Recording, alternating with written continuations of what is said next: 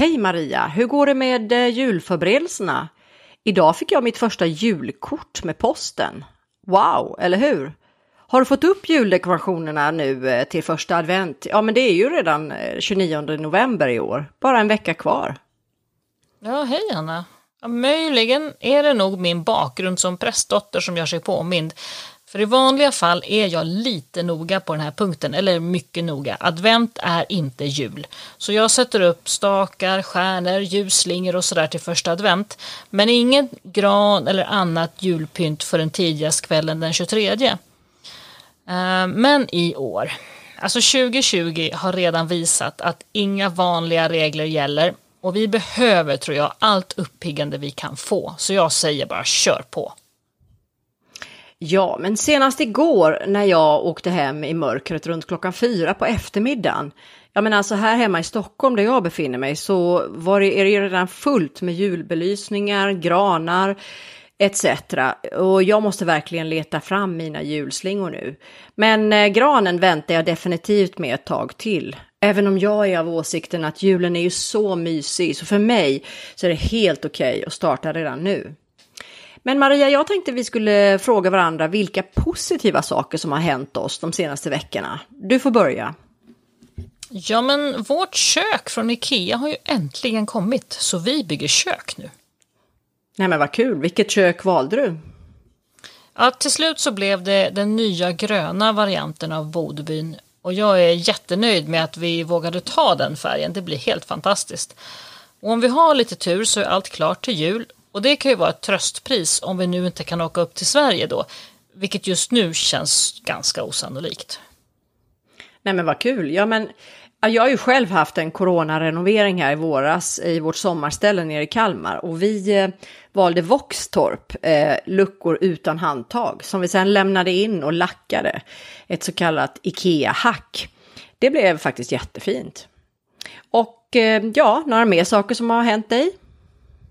Ja, vår region Lazio är ju fortfarande gul zon här i Italien, så vi slipper än så länge ytterligare coronarestriktioner, vilket är skönt så länge det varar. Gul zon, vad betyder det och hur, hur får man reda på det? Ja, oftast är det presskonferenser live på Facebook faktiskt. Eh, det finns eh, gul, orange och röd zon. Där röd zon är i det närmaste total lockdown som i våras. Eh, vilken färg de olika regionerna har beror på smittläget och kan därför ändras snabbt. Så man kan hitta den där kartan då överallt och se vad som gäller? Låter ju jättepraktiskt. Ja, men vilka bra saker har hänt dig då? Ja du, eh, igår så lyckades jag springa fem kilometer. Det, det är trevligt tycker jag, men ibland hinner man ju inte med det. Men nu har jag kommit igång igen och det känns eh, jättebra. Ja, skönt. Jag promenerar varje dag och har som ambition att komma igång med några löpsteg snart. En annan sak som jag har uppskattat här nu i höst är ju att det har varit ett så fint och milt eh, väder med underbara höstdagar. Och det är ju så lätt att älska svensk natur tycker jag. En sak som jag har upptäckt är på Instagram numera så finns det så många trevliga konton som visar otroligt vackra bilder från svensk natur. Till exempel så har jag hittat ett konto som drivs av Naturvårdsverket där de visar bilder från Sveriges alla nationalparker. Det heter Sveriges understreck nationalparker. Det kan jag verkligen rekommendera. Ja, det måste jag gå in och kolla. Man behöver ju fylla sitt flöde med vackra saker i dessa tider. Ja, precis. Men eh, nu till eh, dagens höjdpunkt, Agneta Nilsson. Sveas grundare som vi hade den stora äran att få samtala med för några veckor sedan. Agneta är ju otrolig och man inser att det faktiskt inte är en slump att just hon startade Svea. Ja, hur menar du? Jo, men alltså jag menar att när man hör hennes historia så förstår man att hon har alltid varit en person som är tuff, modig och kör på med sina idéer. Mm, även om hon inte själv verkar se sig som modig. Nej, exakt. Hon sa ju till oss, eh, jag tycker inte att jag är modig. Jag har inte tänkt utan bara gjort. Alltså det där är ju så coolt tycker jag. Vad tar du med dig från samtalet med Agneta? Att jag också vill vara sådär pigg, både fysiskt och psykiskt när jag är 80 år. Tre motionspass innan lunch varje dag. Hon är en källa för, till inspiration. Ja, verkligen. När man träffar Agneta och intervjuar henne så inser man hur olika människor är. Hon är ju en typisk entreprenör. Orädd, kör igång med att sälja bärnsten, bokade green card och åkte till USA som ganska ung och, jag tycker hon är helt imponerande. Ja, verkligen. Men nu vill vi höra Agneta, eller hur? Absolut, men först en liten påminnelse till alla sveor som lyssnar. Kom nu ihåg att nominera förslag till Årets svenska kvinna 2021. Det är deadline 30 november och det är alltså en svensk kvinna som genom sin kompetens och verksamhet satt Sverige på kartan. Och det fina med i år det är ju att eh, nu kan alla vi sveor skicka in förslag och till och med flera per person. Och alla kommer också få vara med och rösta sen. Webbsidan heter ask.svea.org. Kom nu ihåg det där, 30 november, sista dagen för att nominera. Jag har faktiskt redan skickat in mitt förslag. Gör det du också. Nämen, vem nominerar du då? Och det är du allt nyfiken på va? Ja, verkligen. Men okej då, vi slutar prata nu. Nu är det dags för Agneta Nilsson, Sveas grundare.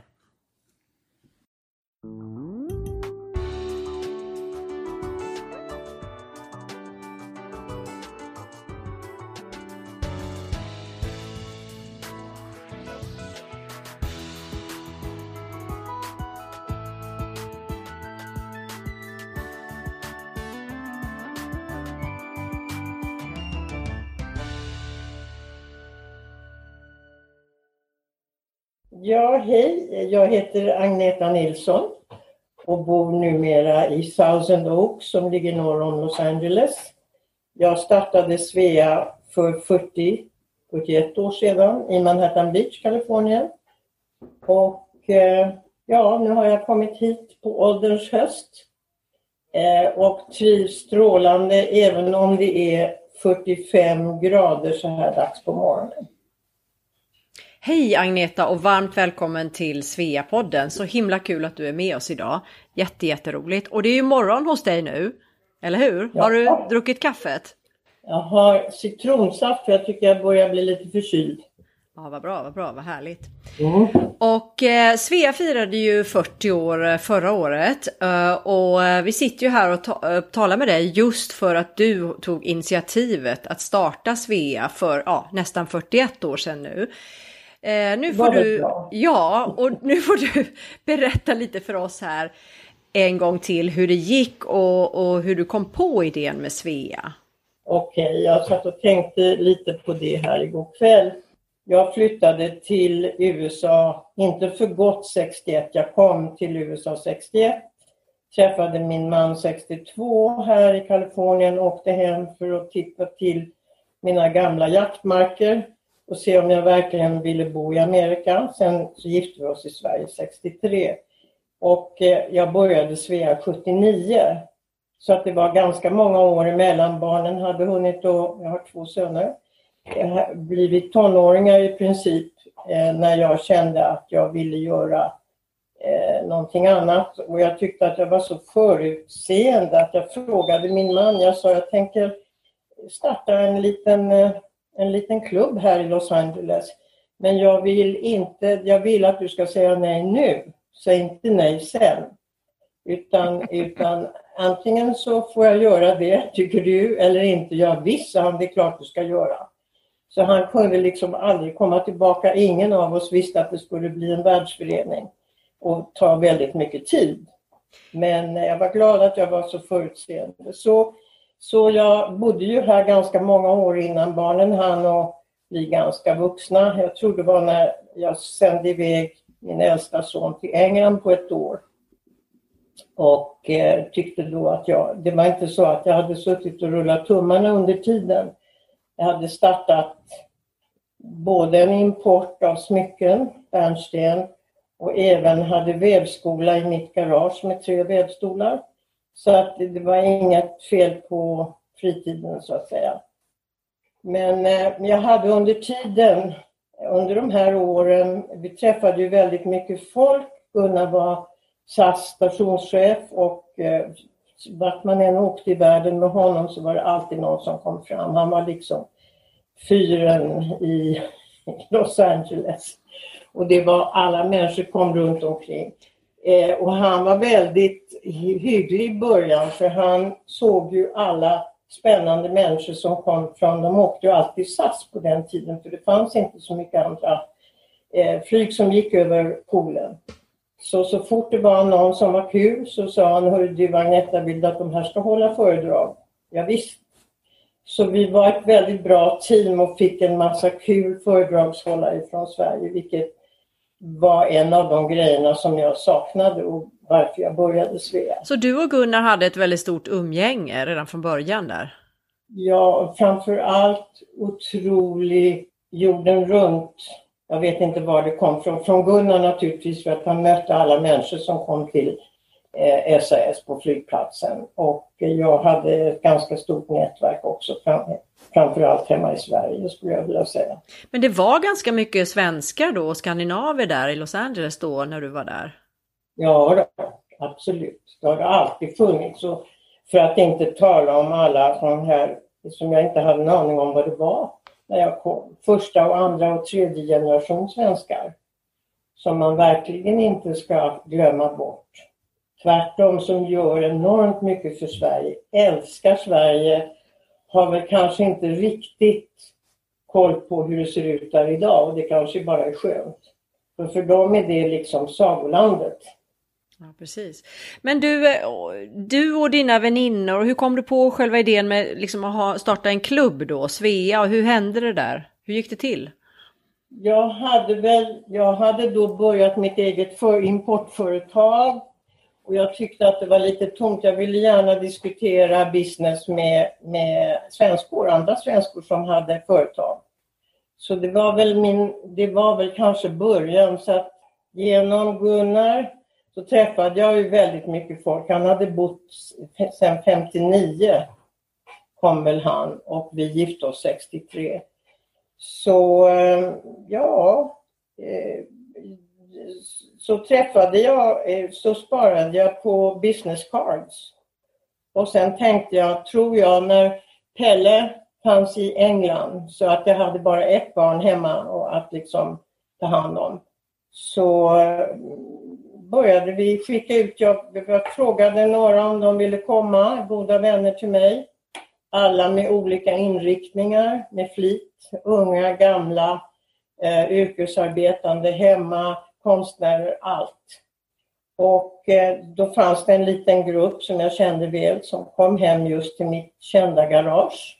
Och där satt vi och eh, eh tänkte till och hur vi skulle göra det här. Och det var naturligtvis en väldigt rolig fas i Svea. Det är precis som med, eh, du vet, Apple och alla de där. Det startade i garaget.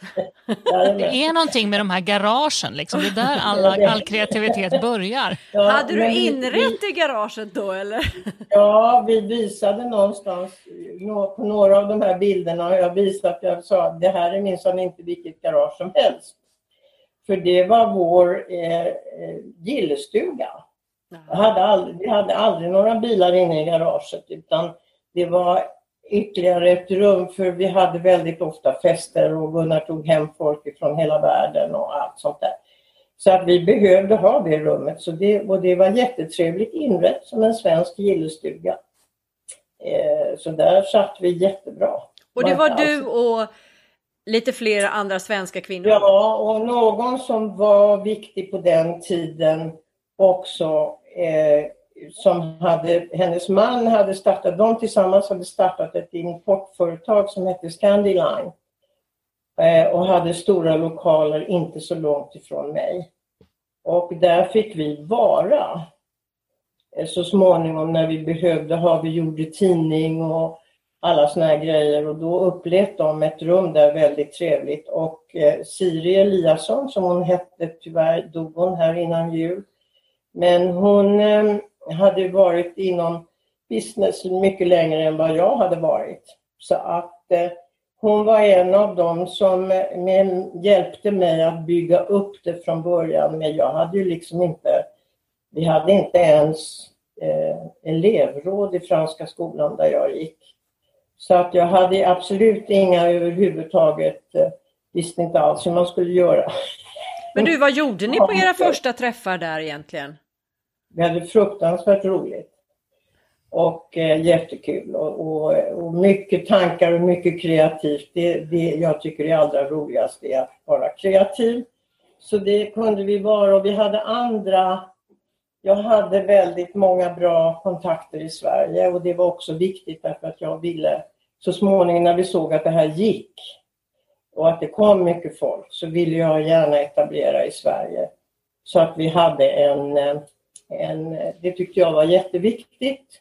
Och framförallt för att i början ha svenskor som var väl etablerade som skulle kunna hjälpa den dagen flera av sveorna utomlands ville komma hem eller det var slut med arbetet eller de var skilda eller vad som helst, att de då kunde komma hem till Sverige och få hjälp med att nyetablera sig.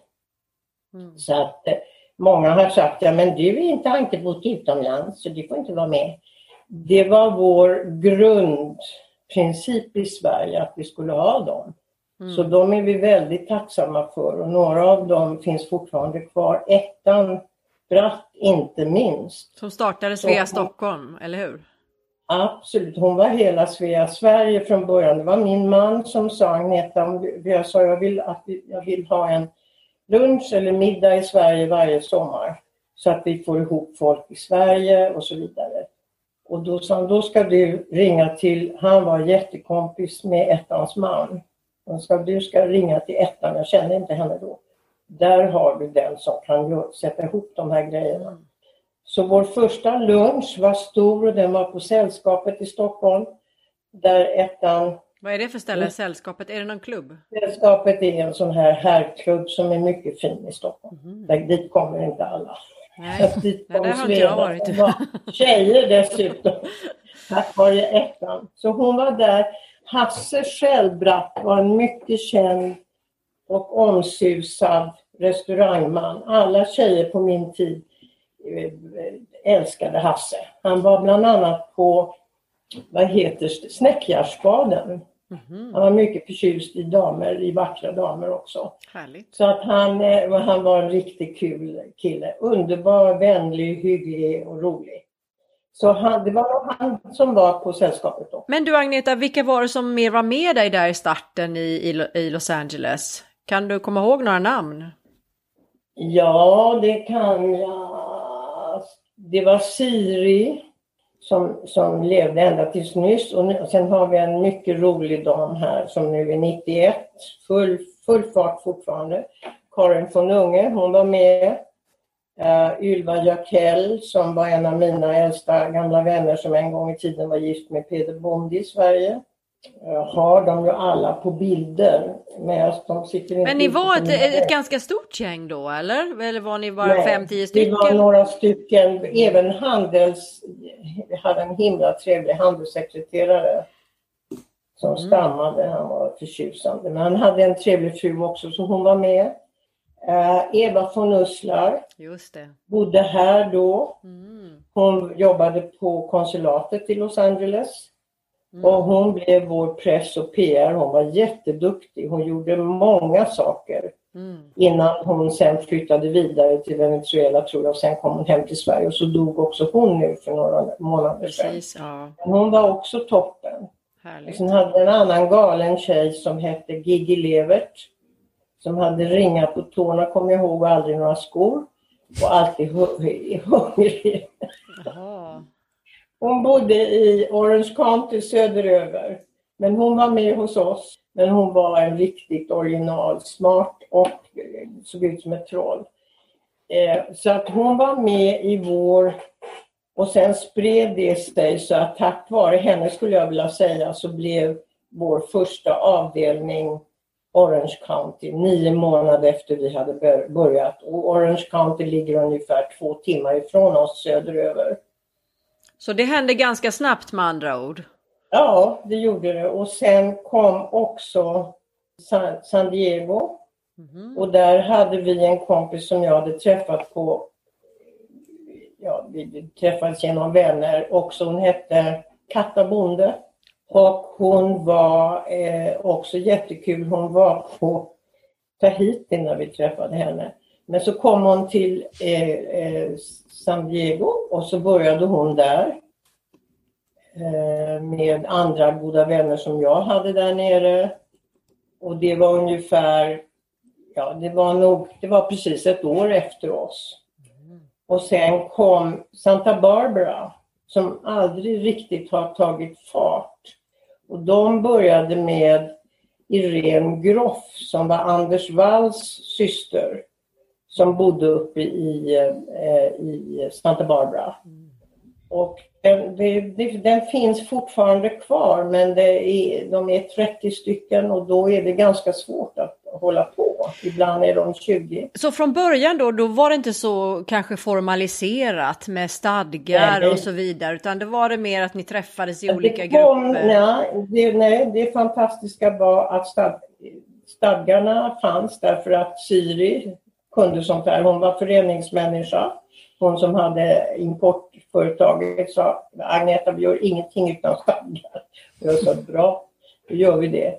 Och då vid, på, vid det laget, jag tror inte att Gitta var med första året, vi hade inte hittat henne då. Men andra året, sedan dess har hon funnits med Svea hela, alla de här 40 åren. Och utan Gita som har verkligen räddat oss många gånger, som är jurist och var jurist både i, hon var då i, hos oss i LA och sen flyttade hon till Paris. Hon har följt med hela tiden och hon är ja, det bästa som finns. Det finns många sveer som är det bästa som finns men hon är en av dem. Mm. Så hon var med nästan från början och jag undrar om inte hon kom in genom Eh, Eva von Ussla faktiskt. Och ni hade lite, körde ni julmarknader och sånt där då i början också eller vad? Ja, det gjorde vi. Jag hittade på det bara och jag vet att det var min mamma i Sverige. Jag hade två bröder som gick i Norra Latin och eh, mamma var väl den som stod för deras stora basarer som drog in pengar till deras sommarhem. Jag kommer ihåg att jag som liten flicka var med där och de damerna sydde hemma och sådana här saker. Mm. Så det tänkte inte jag på då men, men jag förstår att, att det ligger nog bakom alltihopa. Så jag tyckte att vi skulle ha när jag kommer ihåg det så gjorde jag en julbasar för att få in pengar till kyrkan för tio år tidigare. Mm. Och det blev en jättesuccé och det blev grundplåten till prästgården här. Vi hade ah, vansinnigt roligt. Vi var på vår generalkonsuls stora tennisplan. Och det var mycket. Det var innan Svea. Men så det kom ju många ihåg och sa det. Det var någon som ringde till mig och sa jag tycker vi ska ha en julbasar. Som hade varit med på den gamla julbasaren. Så då var vi ute och letade plats och så fick vi tag på ett jättefint ställe som heter uh, The Blue Whale. Som är ett, ett stort Eh, Eh, ett jättehus som visar olika människors möbler och inredningar och sådana saker. Och där fick vi, de var lika glada att ha oss, de var alldeles nya och eh, som vi var, så vi fick det oerhört billigt. Och där var, hade vi en stor julbasar och där var naturligtvis alla svenskar av nyfikenhet vad de kunde hitta på. Hur kunde de vara där i Big Whale och allt det där. Så det var mycket folk och eh, det var urkul och det gick jättebra, vackert luciatåg och härlig svensk mat och massor av folk som gjorde saker och som ställde ut. Jag gjorde bland annat julkorv, helt stånd med bara julkorvar innan, innan hälsomyndigheterna så småningom kom in i det hela och sa att det går inte att göra så. Men det var väldigt roligt och då bjöd jag in, då hade de börjat visa intresse i San Francisco, i, i eh, Orange County, San Diego. Så jag sa, varför kommer ni inte ner och har någonting tillsammans och ser hur, hur, hur det går till på en julbasar här? Så det gjorde de. Och då visste jag, eh, Barbro Oscher en gammal god vän till mig och hon hade då kommit till Amerika jag visste att hon var intresserad så jag sa ta med dig några stycken också, kom ner och se hur det är. Och det, det var fantastiskt. Julbasarerna var jättestora och fina och fint luciatåg och alltihopa. Så det var, det, det var nog det, mest, det bästa draget vi kunde göra för att det ger fortfarande väldigt mycket pengar. Det är ju, jag tror inte att Svea Los Angeles skulle klara sig utan den julmarknaden. Att kunna dra av de pengarna, för idag är det inte lika lätt att göra pengar som det var på den tiden. Då får vi hoppas att det går att genomföra i år då, det här konstiga året vi jag lever tror i. Inte det. Jag, jag vet att vi inte kommer att ha en. Nej. Eller vi gör någonting kanske med kyrkan. Men det här var ju stora, det kom ju 10 000 personer och vi Oj, fick oj. in som bäst, jag tror att San Francisco är en av de som har gjort bäst och de är störst. Eller de och Stockholm är ungefär lika stora kan jag tänka mig och de gör minst 30 000 dollar varje år, om inte mer. Mm, fantastiskt, fantastiskt. Och det gör ju att det, att det fungerar väldigt bra. De har stora stipendier själva. De har varit jätteduktiga. Mm. Jo, du, eh, sen rullade det ju på ganska bra och Svea spred sig ju nästan som en eld eh, genom USA och till Europa och nu finns vi ju även i Asien. Och eh, vi har ju idag eh, avdelningar i 33 länder och näst, nära 7000 medlemmar. Tänkte du att det skulle kunna bli så mycket folk och uppslutning när du kom, satte Nej. igång i början där? Jag hade ingen aning, men eh, jag kan se tillbaka, när jag tittar tillbaka så berodde ju väldigt mycket av det på att Gunnar fanns inom SAS. Och jag kunde flyga gratis till alla de här ställena. Det hade aldrig gått annars. Så du åkte runt i världen och startade Svea-avdelningar? Ja, bland annat. Så jobbade jag ju hemma med Svea varenda dag. Trots att jag inte...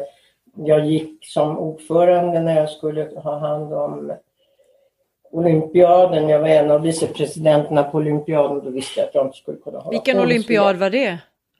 Svea. 1984 i Los Angeles. Jaha, oj oj oj. Då hade vi en stor julmarknad innan den för att dra in pengar för att olympiaden, Svenska olympiakommittén behövde pengar. Men vilken var den första avdelningen utanför USA? Det var Stockholm då naturligtvis. Nej, det var det inte. Ja, det var Sverige i sånt fall, men den var inte riktigt detta. De hade inte några, de skulle ha vänförening. Eh, och det var väl bra, bara det blev någonting. Så, men det var faktiskt Toronto. Jaha. Så. Kanada var först och det var Lotta Hegart som numera sedan länge, eller bodde i Skåne. Och sen hamnade hon på, när jag bodde på Björnbo i Stockholm i tre år där jag aldrig var. Men där bodde hon också. Mhm. Men hon var den som startade, så det var faktiskt det första utanför. Och sen etablerades Svea, så det föll i tre bitar. Så det var Stockholm, Göteborg och Malmö. Mm. Och då var det viktigt att vi fick ordentliga bylaws för det var inte lätt, precis som i vanliga fall, det är lite avundsjuka mellan Stockholm, Göteborg och Malmö, så hängde det med eh, i Svea-sammanhang också. Mm. Mm. Men eh, sen så blev det tre eh, avdelningar och eh, med riktiga bylaws och så småningom upptäckte vi när det hade vuxit så här mycket så sa jag till Gita, men Gita det här går inte, vi måste ha samma bylaws överallt. Och så gjordes det ett jätteryck och ett jättearbete av, av Gita med andra. Så att det blev samma och sen upptäckte man då till exempel att nere i Dubai va, så fick man inte ha några bylaws alls. Och det var några andra ställen men annars så blev det i princip homogent. Och det var Ja. Stadgar alltså inte helt att det enkelt. skulle bli sådana här stora grejer av det faktiskt. Men du Agneta, det, det, är ju, det är ju en helt otrolig organisation där med Svea och, och vi skulle kunna fortsätta att prata om det jättelänge. Det ska vi göra lite längre fram. Men jag tror att Maria ska fortsätta här och fråga dig lite om varifrån i Sverige du kommer egentligen. Ja, alltså jag tänkte, jag, jag har ju precis eh, själv hittat till eh, Svea här i Rom som eh, ny, em, nybliven emigrant sedan ett år tillbaka och det är en helt fantastisk organisation så, så tack för det Ja. Agneta. Visst Men- är det? Ja, men just var, varifrån i Sverige har du ditt Jag ursprung? kommer från Stockholm. Mm. Och eh, som jag skrev i de där papperna, jag har två äldre bröder och mina föräldrar och eh, eh, mamma tyckte eh, att jag var ovanligt pojkaktig. Jag lekte bara med mina brorsor och deras kompisar och sådär. Och sen låg Franska skolan väldigt nära, som var en flickskola. Så då tyckte de, där ska min dotter gå så hon kan börja eh, hon tittade när jag satt framför spegeln och gjorde hår och saker som flickorna i franska skolan gjorde. Så tyckte hon, nu har jag äntligen fått en liten flicka. Så var det med det. Men där gick jag hela, hela mitt liv, från förberedande till studenten. Och vad jag förstår så tillbringade du många somrar och, och, så utomlands i din barndom. Ja, det gjorde jag. Mamma och pappa skickade mig till olika familjer och bo och lära och det var underbart. Jag tycker det är, det är så tråkigt här i Amerika för det är inte så mycket språk som lärs ut här. Jag tyckte Nej. det var otroligt intressant. Jag upptäckte ju redan från 14 års ålder att allting gjordes inte som i mitt hem utan man kunde göra på en massa andra sätt. Vilka länder fick du åka till? Jag åkte till Schweiz, Frankrike, England och Tyskland.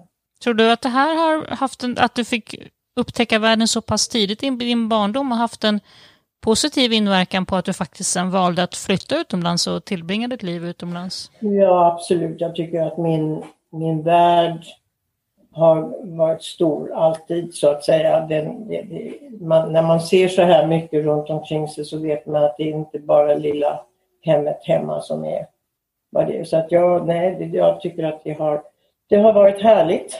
Och din mamma skickade dig sen på uh, hushållsskola, fackskolan för hushållsekonomi i Uppsala. Det var, ju, det var ju den tiden, jag är född 1940, hon var född 1905. Det var ju så det var. Ändå var min mamma väldigt framåt. Även min, även min mormor eh, som är född 1907, hon gick just på den här fackskolan för hushållsekonomi i Uppsala. Eh, I slutet av 20-talet och, och, träffade min eh, morfar där i Uppsala. På, på ja, du förstår. Jag gick och läste franska samtidigt så jag kunde vara på, för jag tyckte det där var botten. Va? Men jag hade sagt till mamma att i sånt fall så måste jag få bestämma var jag vill gå. Då visste jag att den där skolan fanns i Uppsala och att det, Uppsala var ju en trevlig stad att bo i. Så jag bodde ja. i studentstan. Mm. Och Eh, och det var fantastiskt med den här fackskolan. Det var gammeldags. Jag tittade på en bild som jag hade. Jag tänkte att jag skulle skicka det till er när jag är på cykel och med sån här grej här uppe. Och, eh, det var inte min cup of tea. Jag skulle inte bli... Där gick man ju... Det var en väldigt bra skola och där gick man för att bli hushålls... Eh, du vet, för stora skolor och, och för institutioner och sånt där. Men det ja. var inte jag och på den tiden min mormor gick där så fanns det ju också, hon gick ju något som hette först förlovningskursen och sen giftaskursen. För att lära sig sköta hushåll. Ja, där var jag i alla fall, det var väldigt, det var mitt första möte med eh, svenska tjejer från hela, eh, hela Sverige. Just det.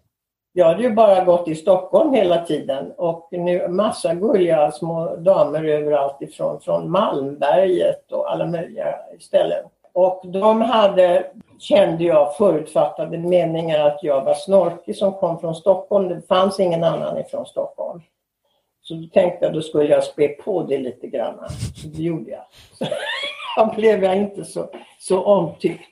Men vi hade väldigt roligt. Sen upptäckte de att det var inte så farligt med det.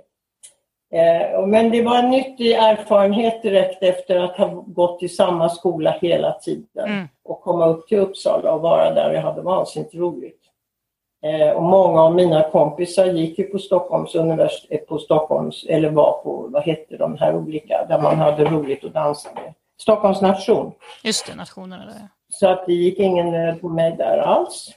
Så gick jag också i syskola på Femina i Stockholm.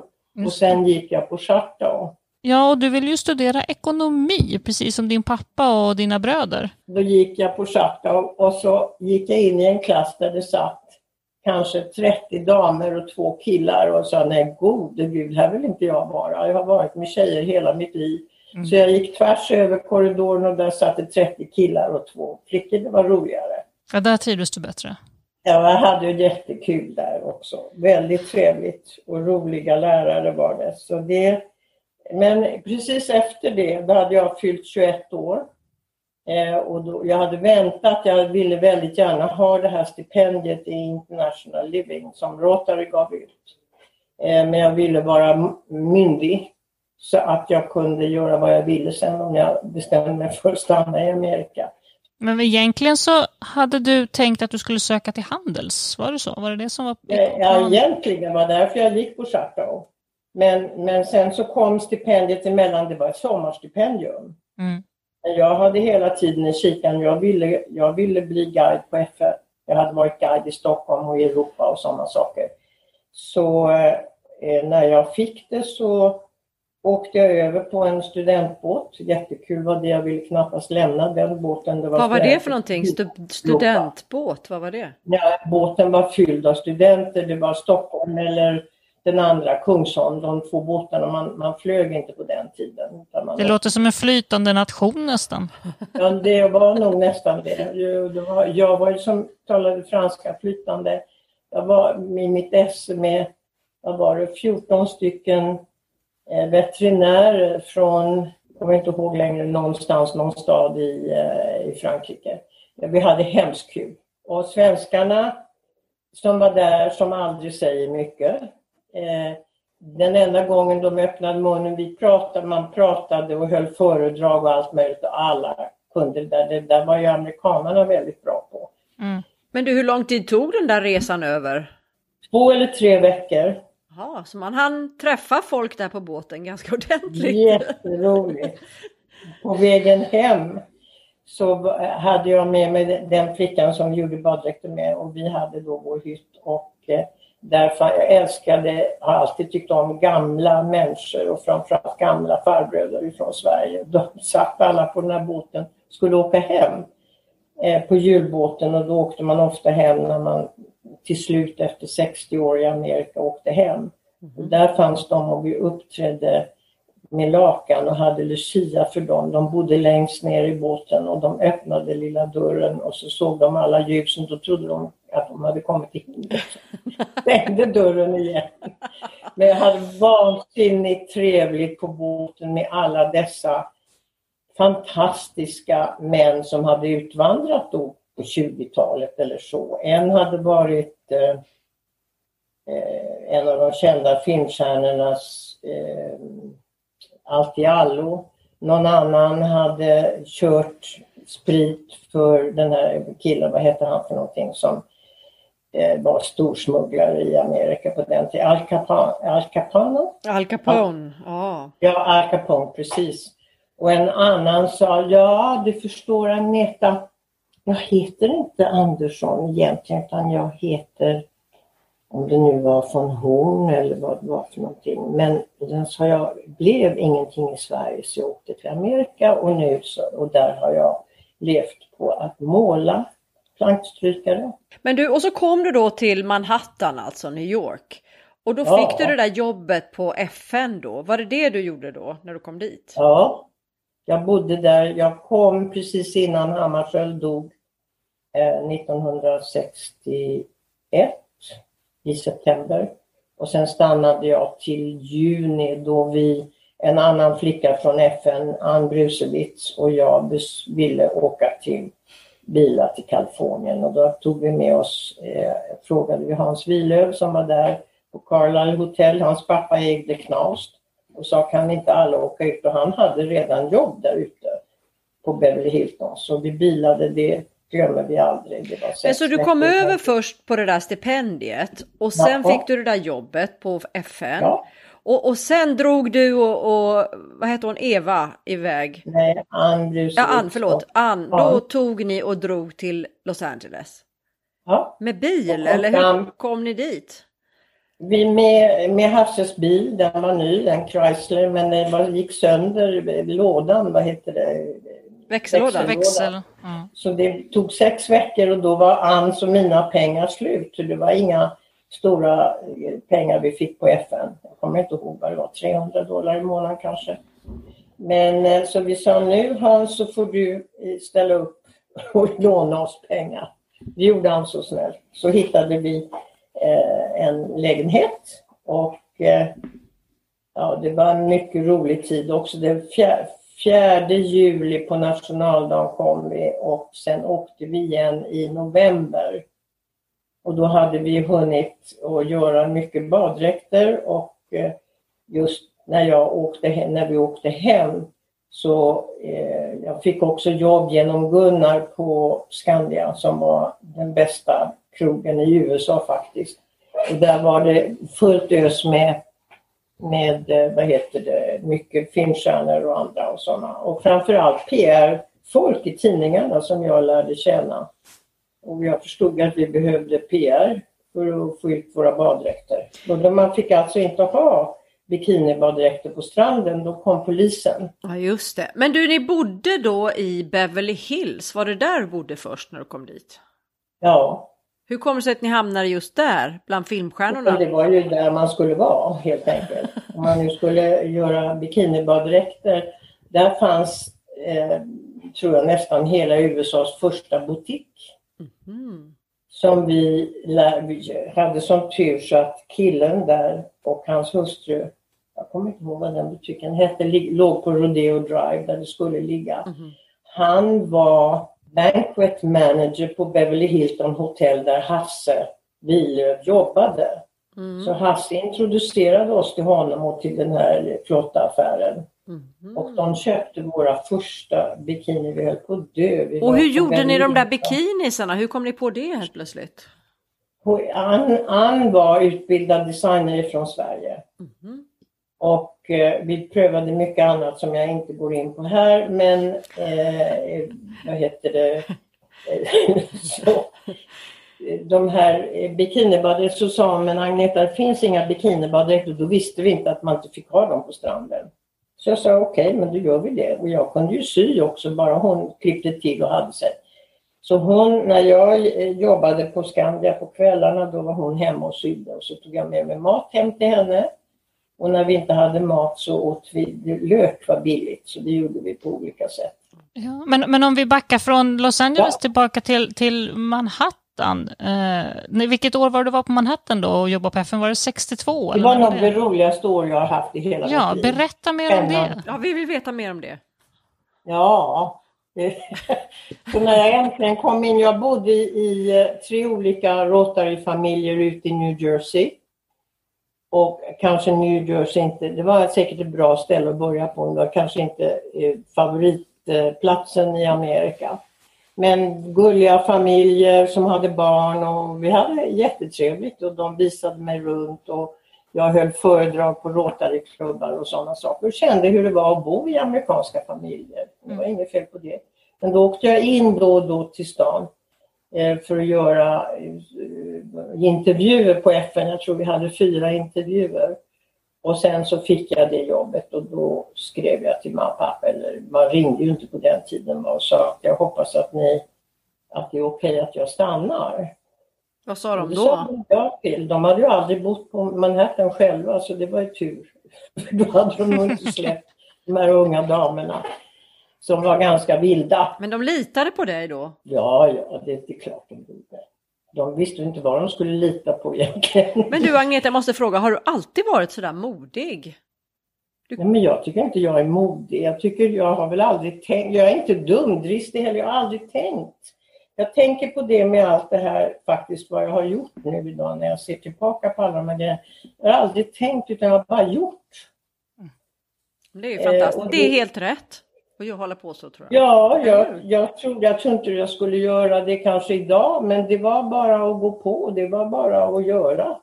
Och ni var ett gäng svenskor som umgicks där, både killar och tjejer? Där Underbart på Manhattan. roligt. Vi hade ett hus som nästan bara var svenskor i. Många av mina gamla vänner som var i New York samtidigt. Killarna var på, de hade fått stipendier på Harvard och på Yale och på Princeton och så vidare. Och de kom in, eh, till, de ville ju komma in till Manhattan ibland och ha roligt och de hade ju aldrig råd att bjuda ut oss. De var ju studenter. Eh, så att de eh, ofta kom hem till oss och bodde. De var ju våra kompisar, våra brorsor. Mm. Så att vi hade väldigt roligt på weekends med dem. När man är på FN som guide eh, då är, finns det ungefär 50-60 guider ifrån hela världen. Och det är också vansinnigt intressant och roligt och vi hade väldigt trevligt, många av oss tillsammans och hade olika middagar och var de ifrån Japan så gjorde de sin middag och jag gjorde svensk middag och så vidare. Vi hade faktiskt jättetrevligt. Men du, hur kunde du fixa, hur fixade du green card då på något sätt? Eller hur kunde du få jobba det i USA? Det gjorde jag i Sverige redan, det visste inte mina föräldrar om. Men på den tiden var det väldigt eh, mycket, mycket, mycket enklare. Vad jag behövde göra var att sätta in 10 000 kronor på en bank. Jag tror det var, eller om det var 10 000 dollar. Jag Nej, det var nog kronor. Jag hade inga 10 000 dollar, åtminstone inte 100 000. Ja, det låter som för mycket, det måste vara 10 000 kronor. Det var nog 10 000.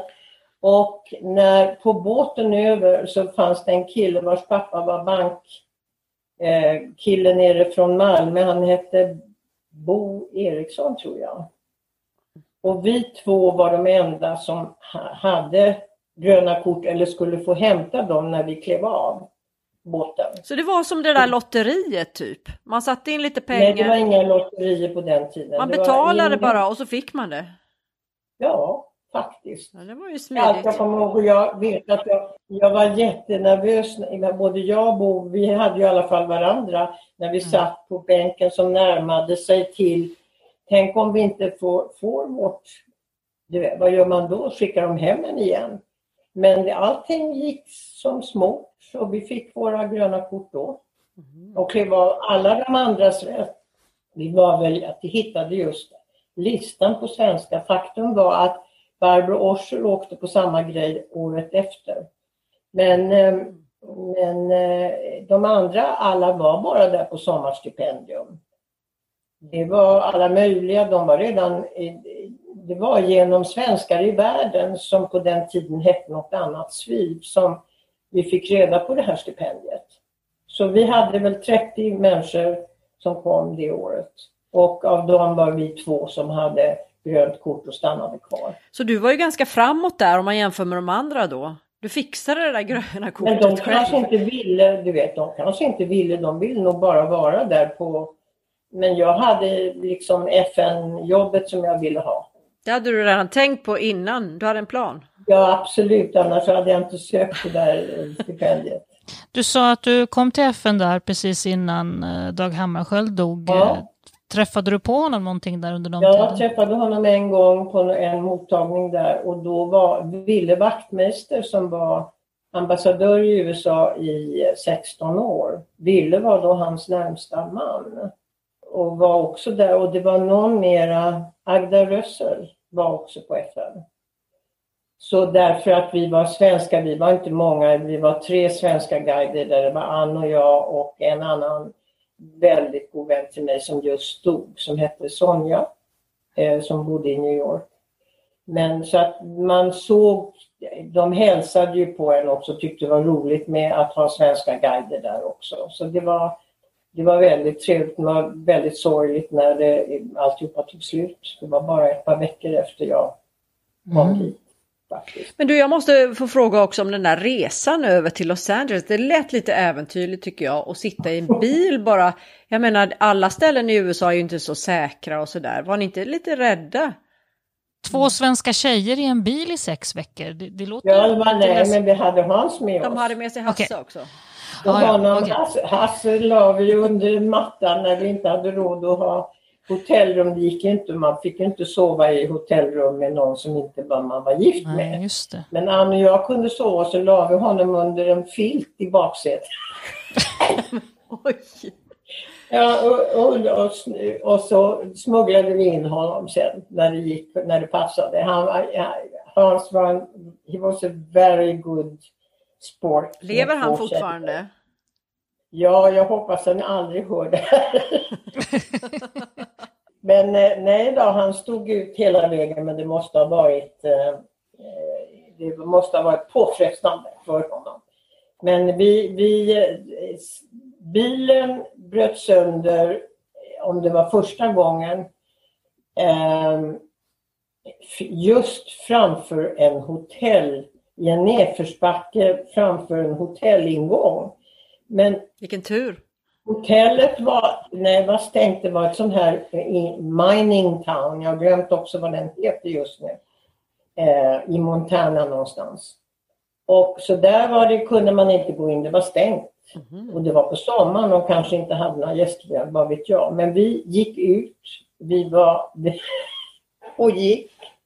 Och så kom vi till en bar med såna där dörrar som man slänger upp. Du vet, vad heter det? Svängdörrar. Ja. Jajamän.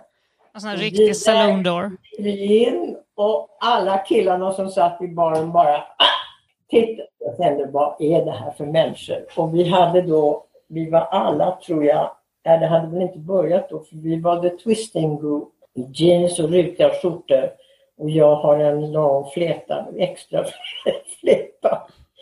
Ja, de här var ju då, vi satte oss ner och vi tog en drink och började prata och då var hälften av dem svenska amerikaner i andra, Aha. tredje, fjärde generation och de tyckte mm. det här var omöjligt med tre svenskar. Så de sa, you can, you can stay with us. Och det gjorde vi. vi hade, det, den hade gått sönder, växellådan, så de måste skickas en ny växellåda till Butte, Montana. Butte, wow. Butte, Montana.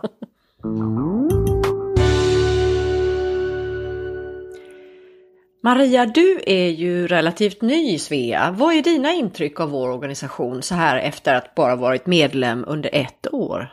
Ja, jag flyttade ju hit till Italien förra sommaren, alltså 2019 och hade faktiskt redan innan hittat Svea Rom i sociala medier. De finns ju som nästan alla våra 70 avdelningar på Facebook. Och som nykomling var det så härligt att jag fick ett så varmt välkomnande och sammanhang. En massa nya väninnor på en gång. Mitt första event jag gick på var nog glöggminglet i december. Och sen dess är det som att jag känt alla dessa kvinnor hela livet. Man blir liksom vänner direkt. Ja, just det. Ja, men det där känner jag igen mig i. Och att man känner sig så välkommen och att man direkt får positiva kontakter med svensktalande kvinnor i alla olika åldrar. Det är ju helt fantastiskt. Ja, och det internationella nätverket sen då? Vilken stad jag än vill åka till i världen så vet jag nu att jag kan höra av mig till den lokala Svea-avdelningen och få hjälp på plats. Det känns som att jag har vänner över hela världen, fast jag inte har träffat dem än. Ja, visst är det otroligt att Svea har lokala avdelningar i över 30 länder. Och Maria, visste du att Svea har tre fina ledord? Ja, vilka är de nu igen? Jo, det är så här, världsvid vänskap, lokalt stöd och global kompetens. Och de hittar man till exempel i vår fina logga. Ja, men det är ju precis det vi pratat om nu. Just så är det. Det som också är så härligt med Svea, tycker jag i alla fall, är att eh, i stort sett allt arbete som utförs inom organisationen är på frivillig basis. Vi har två anställda på vårt huvudkontor i Florida som sköter administration. Men för övrigt så sker allt arbete, inklusive den här podden, helt frivilligt.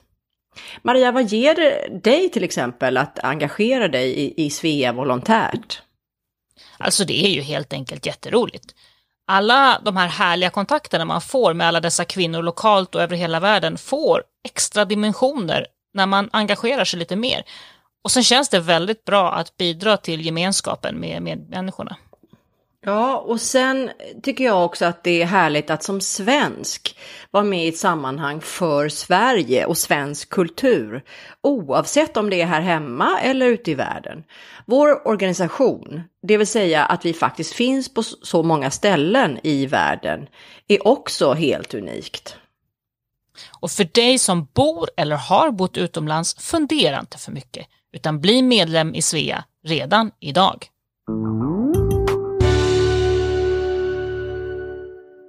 Sen dök Gunnar upp på scenen. Ja, när vi var i Los Angeles, då hade vi, jag hade en gammal boyfriend från Sverige som var min kompis numera. Han hade också varit i Amerika. Eh, men han sa Agneta, när du kommer till LS så ska du söka upp Gunnar och eh, vad nu den andra killen hette. Jag sa det gör jag gärna. Så det gjorde jag och eh, då så, så sa Gunnar, ja men vi kommer hälsa på. Det var han och så den här, vad fasen hette han, Malm, Malmström. Ja, han finns inte längre heller. Malm, men ja, Malmström, var trevliga killar. Och de kom naturligtvis, de spanade väl in all, alla damer som kom. Det hördes ju rätt bra framförallt på, på flygplatsen om det fanns några nya svenskor i stan. Så de var väl där för att kolla. Eh, och det gjorde de. Och de hade med sig en flaska vin tror jag. Och vi hade jättetrevligt, satt och pratade. Och sen åkte de. Och så var det inte mer med det. Och sen så ringde Gunnar. Och han läste väderleksrapporten från Svenska Dagbladet varje dag. Eftersom han fick den. Och det var ju intressant. Tyckte jag som hade då, det var så mycket killar i New York för det är det för varenda svenska som kommer dit och man var så trött på de här killarna för allt de ville var att hoppa i säng. Och man, jag, jag gick aldrig mera ut med amerikaner, jag orkar inte. Gunnar var mer en gentleman alltså? Ja, han var så god så. Men så jag tyckte det var skönt att ha en kompis. Jag var ju glad att ha, jag hade ju, var ju så van med mina bröder att ha kompisar. Mm. Så det var skönt. Men sen en vacker dag efter en månad eller så, så var vi på stranden i Manhattan Beach där han bodde. Och eh, då så sa det klick. Och sen sågs vi, han bodde ju ganska långt ifrån mig då, men i alla fall, vi sågs en hel del. Sen åkte han till New York eh, med, på, med SAS. Han skulle, han skulle bli någon slags PR-chef i New York. Och så stack han, jag kommer inte ihåg var vi var där då. Eh, juni, juli, augusti, september. Han stack nog i september och sen kom vi i, i november. Mm. Och eh, då fanns han där och väntade på mig och vi hade väldigt trevligt i New York också. Sen, och där friade han och då sa jag, jag får ta en rain check på det. Sa, sa du nej alltså? Nej, jag sa det, vi får allt vänta, jag måste hem till Sverige först kände jag bara. Du, du höll honom på halster helt enkelt? Ja, nej, jag hade, var inte medveten om att jag höll honom på halster. Jag ville se hur det var att vara i Sverige. Lämnat mycket roligt bakom mig också, trevligt. Så att eh, vi åkte på julbåten hem och då så eh, hade Gunnar skickat hundra röda rosor. Det var väldigt trevligt. Till dig på det, båten? Ja, och sen var det fyllt med journalister och fotografer. Därför att sista dagen på, i, i, eh, på, på mitt arbete på Skandia så hade de gjort en artikel på mig och Ann och berättat om oss och eh, det gjorde de bara om de fick ta bild i, på, i bikini och jag sa det är ingen som känner mig här så det spelar ingen roll.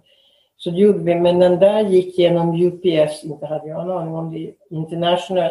Så den gick till alla, du var två unga svenska tjejer med bikinibaddräkter, kan det vara roligare? I Amerika där den svenska synden var väldigt eh, mycket känd på 60-talet. Så den kom överallt. Jag såg den sen jag var på amerikanska ambassaden i Stockholm så såg jag den på, eh, på ambassaden i Stars and Stripes. Den bilden. Det var när du poserar i de här berömda bikinisarna?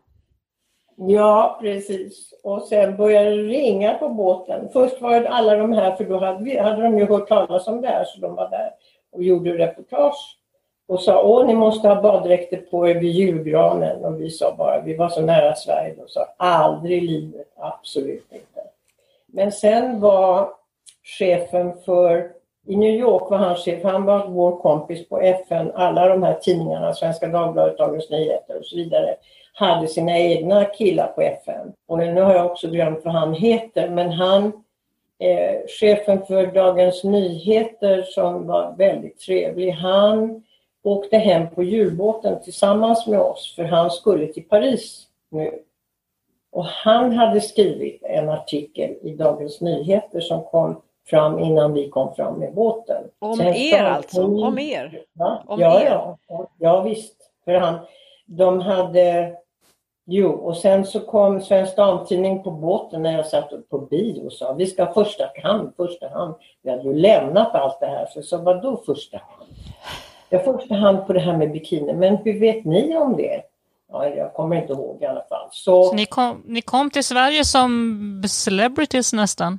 Ja, det var löjligt. Men i alla fall så var det och sen så stannade vi i eh, Köpenhamn där julbåten stannar och sen åker upp till Göteborg och då var vi vi tre, Hasse och Ann och jag ute på Ströet och gick och köpte julklappar. Och alltså Hasse hem... var med då också? Ja, Ni var en liten trio där? Jaha, ja just det. Alltså, ja, ja, han var, vi alla åkte tillbaka i hans bil eh, mm. i november. Så att alla var med, jajamän. sen i alla fall så gick vi av i, eh, på Ströet och så när vi kom tillbaka så var det lika fullt med journalister igen. Och då är det så att julbåten var ofta besökt. Det var alltid några intressanta människor ombord så därför så kom journalisterna och TT, vad heter TT ja. som är en nyhet, ja, på, de kom och de tog då kontakt med killen ifrån Dagens Nyheter. Han sa, bry er inte om mig utan ni ska ta de här två eh, unga svenska flickorna som har hållit på med bikinibaddräkter.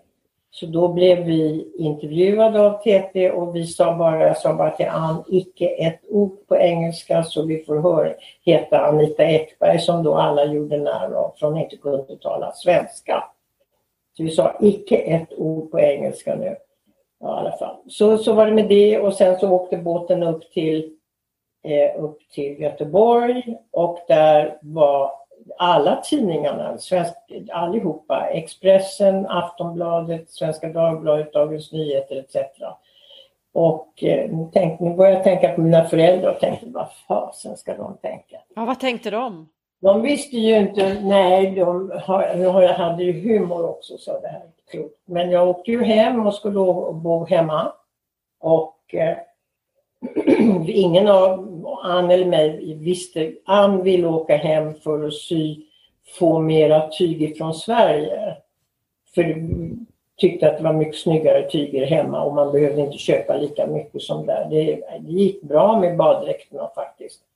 Men eh, jag hade inte tänkt att fortsätta men det sa jag inte till henne heller. Men jag visste inte vad jag skulle göra där innan jul och att gå på universitetet just då var inte tal om. Och då så sa jag, men herregud, vi får så mycket gratis reklam. Vi kan inte ge upp den. Och då hade samtidigt någon talat om för oss att det fanns en ateljé som var ledig på Storgatan 15 tror jag det var, högst upp.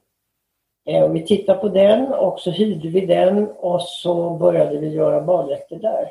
Hemma i Sverige alltså? Okej. Okay. Ja. ja, och det gjorde vi nästan hela det året. Sen hörde jag att hon hade öppnat ett eget företag bakom ryggen på mig. Eh, och jag sa det hade du aldrig behövt göra för att eh, Gunnar och jag kommer att gifta oss. Och vi gifte oss i, i Gunnar kom hem då och då och hälsade på och friade till mina föräldrar och min hand. Och ibland kom han med en papperspåse och i sandaler utan mamma var ute och mötte honom på Arlanda och sa men vad är har han ingen väska? Han kom med en stor vanlig papperspåse med sina få grejer i och inga skor på fötterna i princip. Och han hade skor på fötterna. Men ja, det, mamma tyckte att det var en, en, en rolig filur. Och sen när ni var nygifta så hamnade ni sen igen då i Los Angeles, var det så? Ja, mm. det där var Gunnar och han var där man var inte som man gör på SAS nu, va? man förflyttas överallt, utan han var på SAS um, mellan 50, vad sa jag, han kom 53 till 92 tror jag. Ja, då är vi framme på, vad är det, 63 när ni kommer som nygifta tillbaka till Los Angeles? Ja ja. Eh, berätta lite grann om den här första tiden i USA med familj och barn. Hur, hur fungerade det? Hur var det? Ja, då, vi bodde i Gunnars trevliga ungkars liten våning till att börja med men vi sökte på en gång så började vi att söka efter hus. Eh, och så hittade vi ett hus och jag var pregnant.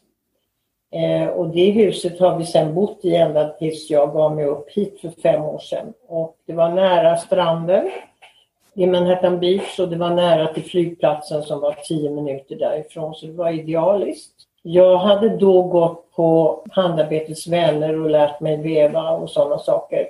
För jag förstod att jag skulle sitta hemma. Det hade jag inte varit så van vid. Det hade gått rätt så mycket underbara saker.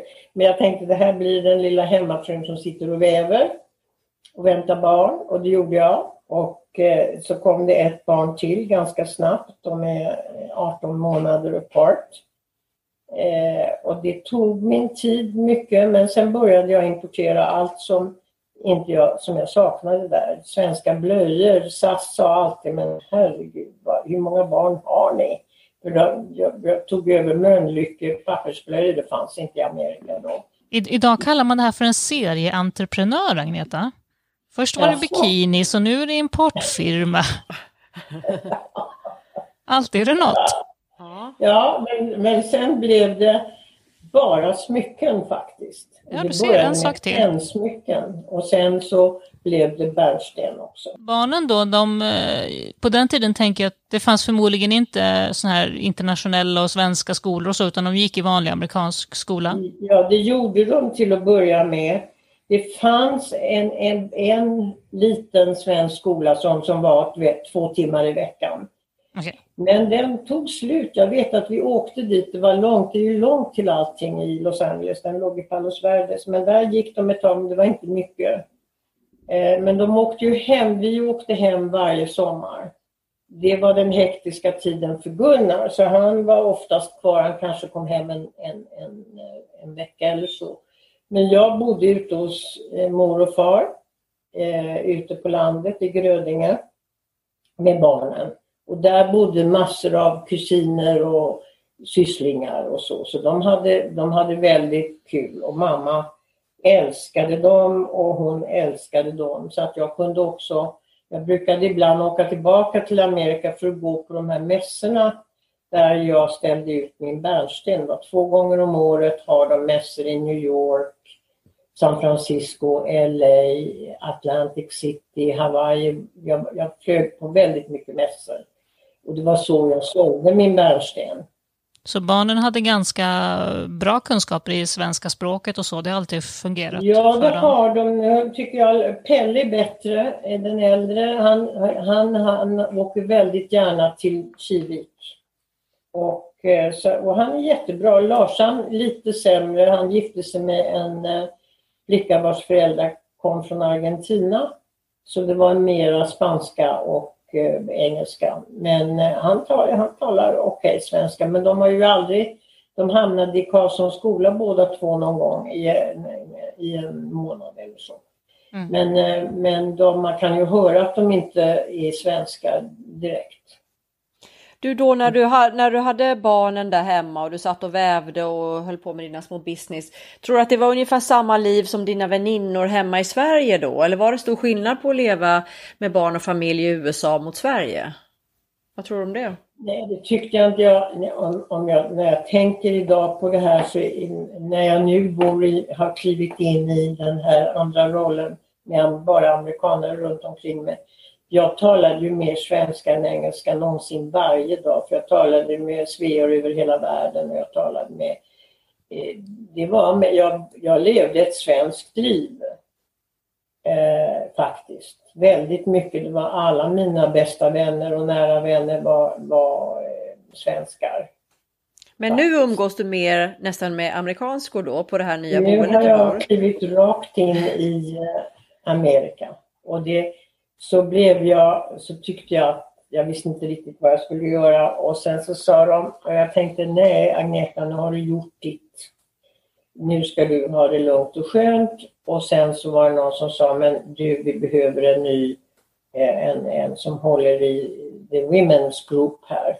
Och så tänkte jag ja, kanske jag hade inte någon större lust men jag tänkte jag kanske ska pröva och se hur det är att jobba med amerikanska kvinnor. Ja, så gjorde jag det ett år och sen så sa jag tack för mig. Men, eh, men det var, jag hade ju startat Svea därför att jag kände mig mest hemma med svenskor.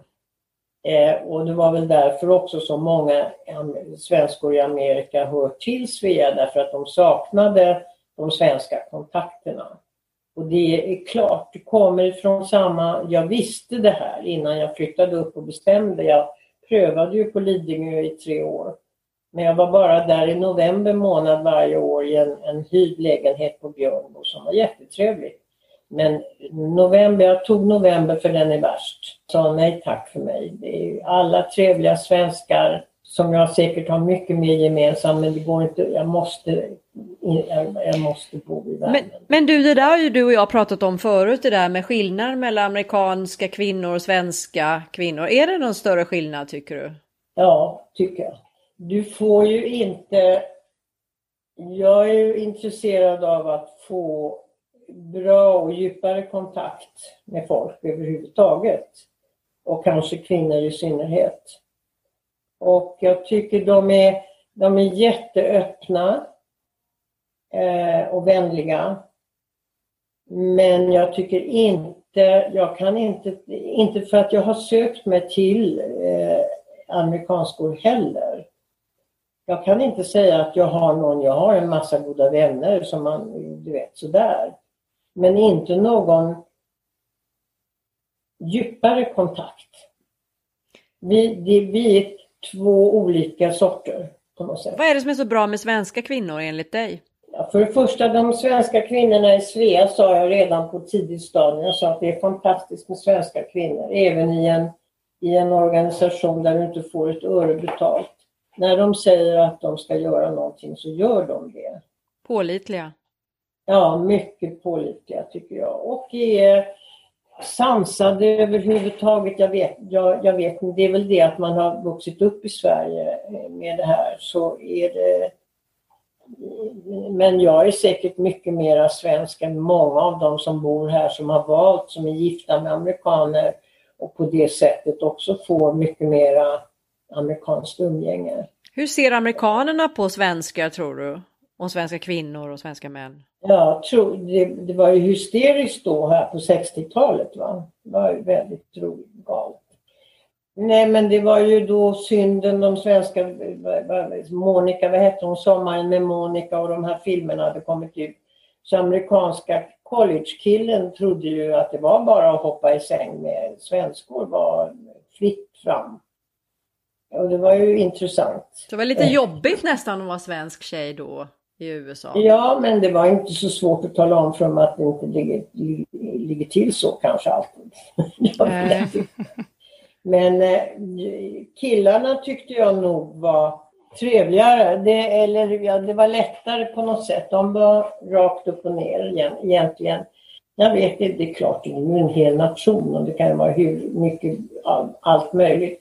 Men jag tänker på eh, i skilsmässosammanhang, va, om du är gift med en, eh, en amerikanska, så är det inte så kul för dig som blir kvar, tror jag. Eh, så det, de, de, det är tuffa damer. De vet hur du ska dras. De vet hur du ska få ut så mycket pengar som möjligt av dem. Det har jag aldrig, alla mina, jag har många goda vänner som har varit gifta, bra gifta, rikt gifta, vad du vill. De har bara gått hemifrån. De har bara gått. Mm. Ja. Eh, så att eh, jag vet inte.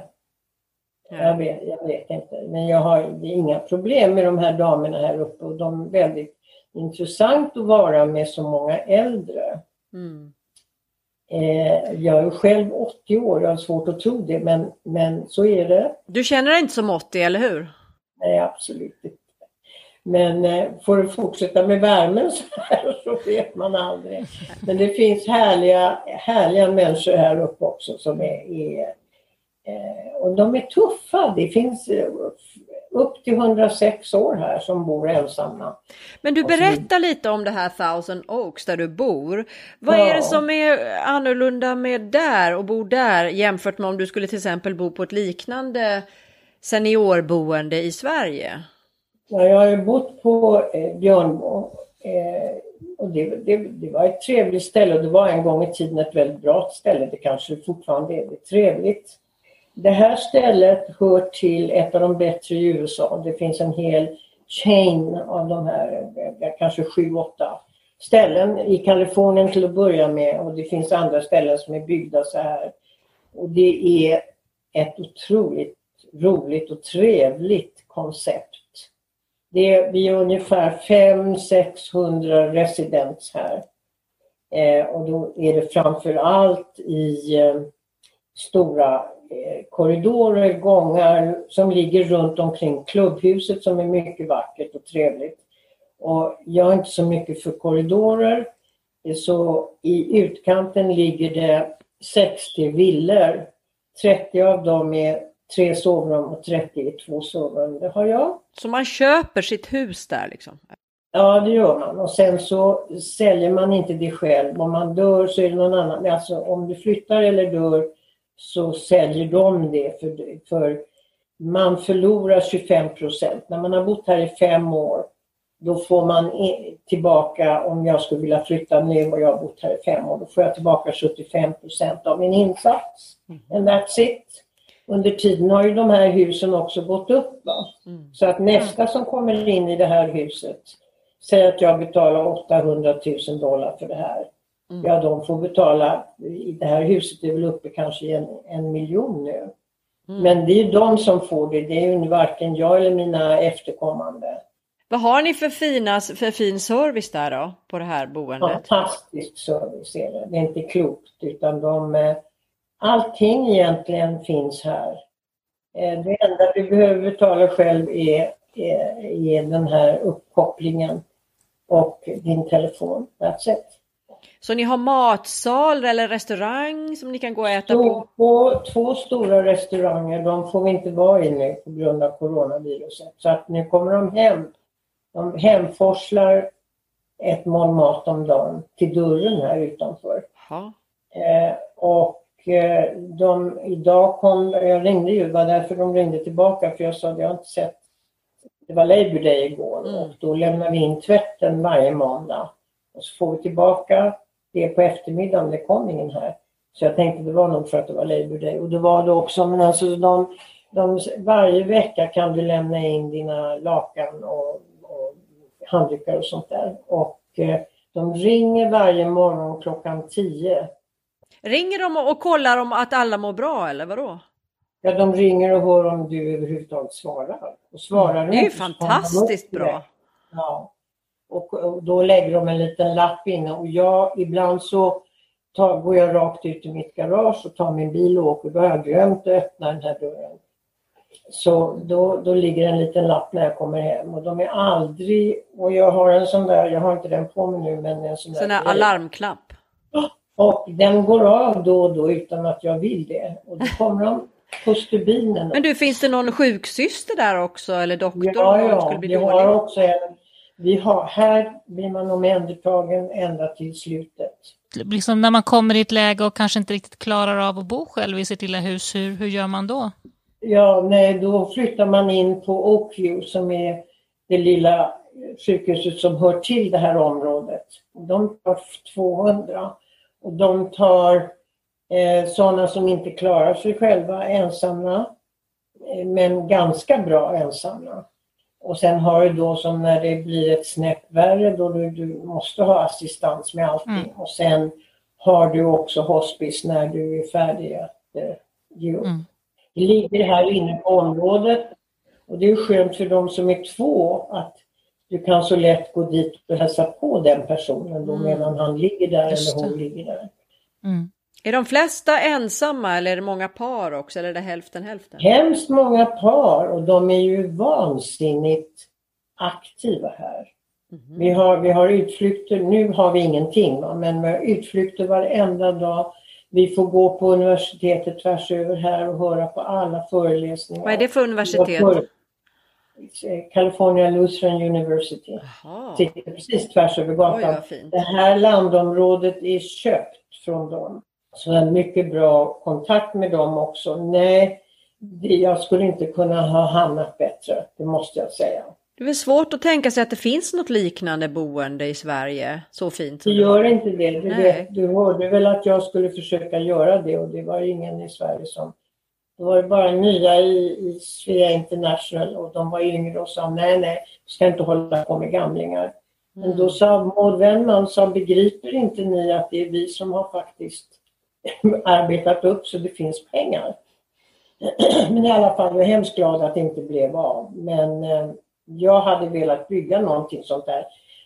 Med den svenska sjukvården och så går inte det heller. Så det hade inte gått. Men det hade varit jättekul för alla oss som har bott utomlands och som kanske har blivit, eh, inte har någon man kvar eller skilt sig att kunna åka någonstans där man kan sitta och prata om saker som... Men du, den där idén tycker jag inte vi ska begrava. Det är, det är väl en jättekul idé? Kanske någon annan kan göra den? Jag hoppas det. De frågar ibland och så. Det var, jag fick säkert 1500 positiva svar på det. Men som sagt, för mig är det finished. Jag bor här. Du Agneta, den här podden, Svea-podden här, den handlar ju om livet utomlands. Och vad skulle ditt bästa råd vara till de som lyssnar och kanske sitter hemma i Sverige lite yngre och funderar på att flytta utomlands, kanske funderar på USA. Vad, vad är ditt råd till dem? Flytta. Du, du kommer ju aldrig att eh, få samma eh, syn på världen och syn på Sverige, ditt hemland, när du har varit utomlands. Eller vad säger Maria? Ja, nej, men det är helt sant. Det, det går aldrig att... Eh, vi intervjuade här för ett tag sedan så intervjuade vi Maria Borelius som hon använde sig av uttrycket att det är som att bli av med en oskuld. Ja, det, helt plötsligt man, det går inte att få tillbaka sin gamla syn på, på världen och Sverige Nej. när man väl har provat Nej. utomlands. Nej. Du Agneta, berätta, hur ser en typisk dag ut eh, för dig nu för tiden? Ja, den är, den är väldigt hälsosam. Jag börjar då, kanske inte sju som det, när det är varmt så här, men jag börjar nog halv åtta och går en timme runt där två gånger. Och sen går jag hem och sätter på mig baddräkt och så går jag ner till poolen, åker jag till poolen. Eh, för då tycker jag jag har gått tillräckligt. Och så är den ljummen, man känner den är fullständigt spegelblank när ingen är i. Och den är, den är, man kan inte känna skillnaden så att den inte är för kall och inte för varm. Den är precis ljummen. Det är som att simma i sammet. Jättebehagligt. Och är man då ensam, vilket jag oftast är på, så tidigt på morgonen, så är det jätteskönt. Och sen går jag hem och då har klockan blivit kanske halv tio och då dricker jag eh, kaffe eh, och äter någon liten frukost och sen är det en timme gympa, storgympa framför vår intern-tv av de killarna som är på duktiga eh, gymnaster. Och inte visste jag att man kunde göra så mycket i en stol som är bra. Då erbjuder de det varje, varje morgon, alltså morgongympa? Varje morgon. Den enda dagen jag, jag känner mig nästan jagad om jag inte hinner att gå innan jag ska ha på mig baddräkten och gå. Du har, då är klockan inte ens lunch och du har hunnit med ja. tre motionspass. Ja, det är väl bra. Det är alltså, jättebra. Det ska inte bli bättre än... Jag, jag vill ju gärna försöka hålla mig eh, upprätt. Ja, du jobbar hårt på det, det får man säga. Ja, men jag tycker att det är bra. Man nu har man inte... För övrigt så har jag här i rummet hur mycket som helst att göra med... Jag vill ju gärna skriva om Svea till exempel. Eh, det blir väl aldrig av, men och jag vill ha böcker till mina barn, pojkarna, så att de ska veta vad jag har saker och ting och sånt där. Och det började jag för fem år sedan. Sen så tog jag fyra års vakuum. Nu ska jag fortsätta med det. Du vet, de har ju egentligen ingen aning om. Och saker finns här och saker finns i Sverige och så vidare.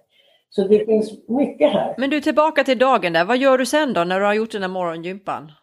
Ja, det, plötsligt så går det så fort. Ibland är det, eh, så har jag då antagligen äter jag någonting igen och sen så Ibland åker jag ut då om jag, ska, jag har eh, kanske ett eh, doctors appointment eller går ut och köper någon mat som jag vill ha själv här. Som inte har ni affär på området också?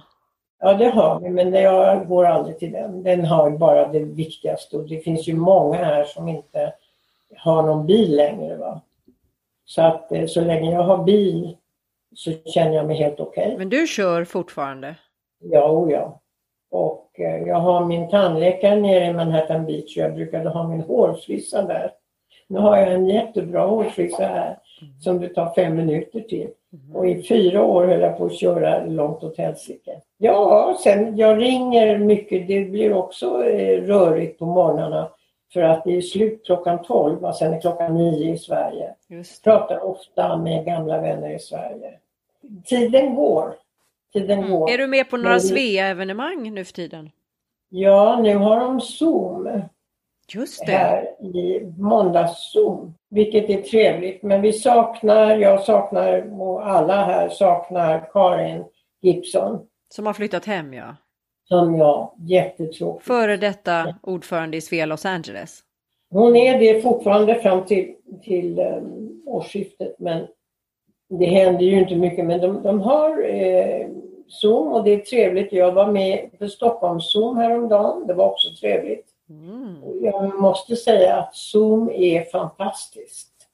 Eller hur? Mm. Det är verkligen och för Svea och för alla, alla de här som ni gjorde presentationen av eh, alla stipendierna och Årets svenska kvinna. Jag tyckte nästan att det var bättre än att vara där själv. Mm. Därför att de fick prata i lugn och ro och det, nej, det var jättebra. Vad, vad roligt att du säger det. Mm. verkligen.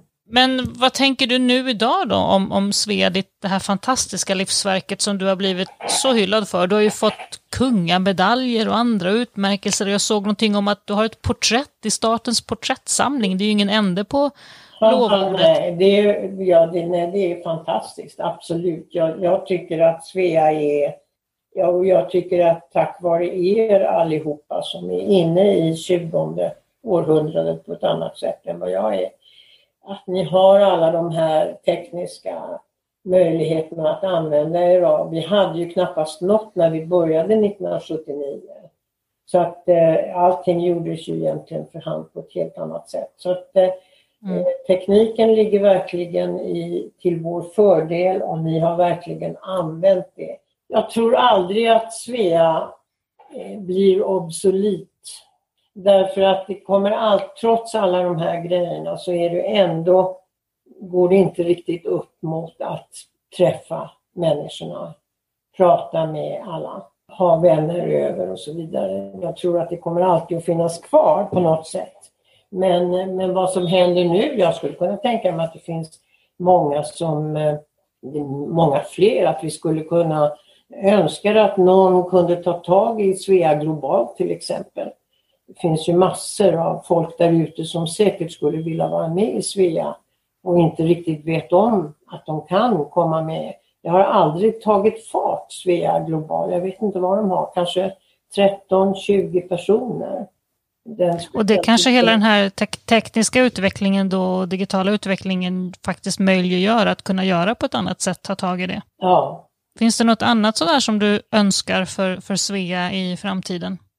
Nej, men jag kommer ihåg vad som, vad som gjorde att jag inte gav upp i början. För det var inte så lätt när jag började Svea i Los Angeles.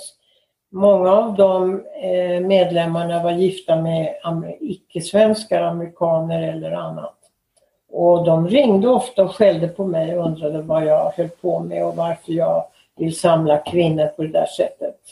Och då så sa jag, men går inte du bort på, har inte ni möten på era kontor och sådär? Jo men that's a whole other thing. Eh, Männen var lite annorlunda på den tiden helt enkelt. ja, jag tror det. Det finns nog sådana kvar idag också skulle jag kunna tänka mig. Som är väldigt, håller på sina fruar på något sätt. Men det är på 60-talet. Men då fick du rycka in och prata där för Svea. Ja. Men då blev jag väldigt glad när det kom en flicka ifrån San Diego just som skrev till mig och sa Agneta, du ska veta att före Svea så levde inte jag. Nu när Svea finns så kan jag ha Sverige med mig i Amerika och nu lever jag. Och jag tyckte det var väldigt klart. Hon var naturligtvis gift med en amerikan och hon satt i en amerikansk bur och längtade efter att prata svenska och så vidare. Och det tänkte jag om jag har hjälpt en enda människa så är det värt det. Det kommer jag ihåg och det är många, många, många år sedan. Är det säkert många 30. sveor som hör av sig till dig? Inte längre, men de gjorde det väldigt mycket. Men det kan ju vi säga nu, är det någon som vill skicka en hälsning till dig så ska vi dela din e-mail här så att du får lite brev. Det får ni gärna göra. Du, det var fantastiskt jättekul att få prata med dig Agneta. Varje gång är jätteroligt. Du har ju sånt enormt rikt liv och du har varit med om så mycket. Och inte minst tycker jag, du är en sån inspirerande människa som kastat, kastat dig ut i så många saker och lyckats med allt du har företagit dig. Så du är en stor förebild för oss alla. Tusen tack! Ja, det är roligt. Då får vi tacka dig Agneta, det var jättekul att få prata med dig och önska dig allt gott och hoppas att vi får ses även i verkligheten snart igen. Ja, tack. Det hoppas jag Tack med. så jättemycket. Mm. Tack för att du har lyssnat. Den här podden är inspelad och producerad för Svea International av Anna Brill och Maria Schacki. Musiken är skriven för Svea av Fredrik Åkerblom. Sveapodden finns nu på de allra flesta ställen där du hittar poddar. Eh, Apple Podcasts, Google Podcasts, Spotify, Acast och alla de här. Om du saknar något ställe, skicka ett mejl till oss på sveapodden gmail.com. Mer information om Svea hittar du på vår webbplats svea.org och i sociala medier där vi finns på Facebook, Instagram och LinkedIn och där hittar du oss som Svea International.